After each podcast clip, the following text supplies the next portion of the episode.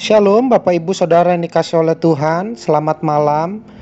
Sebelum kita beristirahat pada malam hari ini Mari kita merenungkan firman Tuhan yang terambil dalam Yakobus 2 14 sampai ayat yang ke-26 Ajaran Kristen tentang keselamatan berdasarkan iman dan bukan perbuatan adalah hal yang alkitabiah.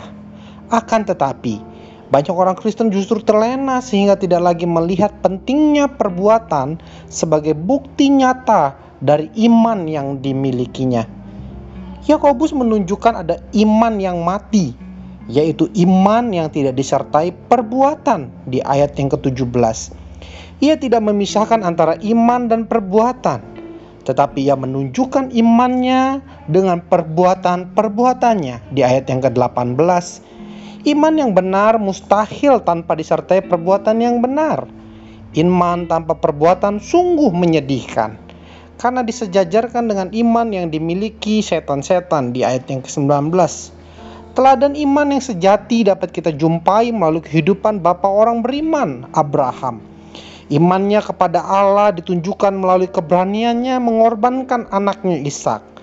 Allah pun memperhitungkan tindakannya sebagai kebenaran Demikian juga dengan Rahab, seorang wanita yang dipandang rendah dan berdosa.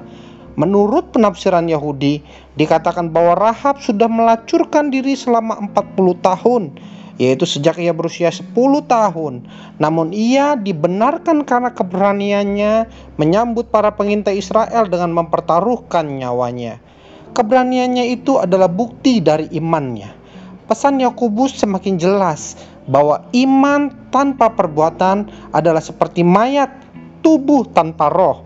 Iman seharusnya berpadu dengan perbuatan. Allah menghendaki iman dinyatakan dalam perbuatan-perbuatan kita. Iman dan perbuatan adalah kesatuan yang tidak terpisahkan.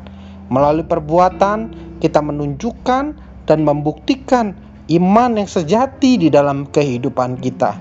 Kini kita bisa mulai berpikir, Bagaimana mengekspresikan secara nyata iman kita kepada Kristus?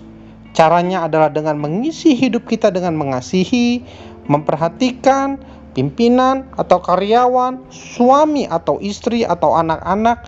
Melalui perbuatan-perbuatan tersebut, kita berharap orang-orang yang kita kasihi juga merasakan iman yang sejati. Kiranya seluruh perbuatan kita menyatakan iman yang sejati kepada Allah. Tuhan memberkati kita, Tuhan memberkati istirahat kita, Tuhan memberkati kehidupan kita. Selamat malam, Shalom.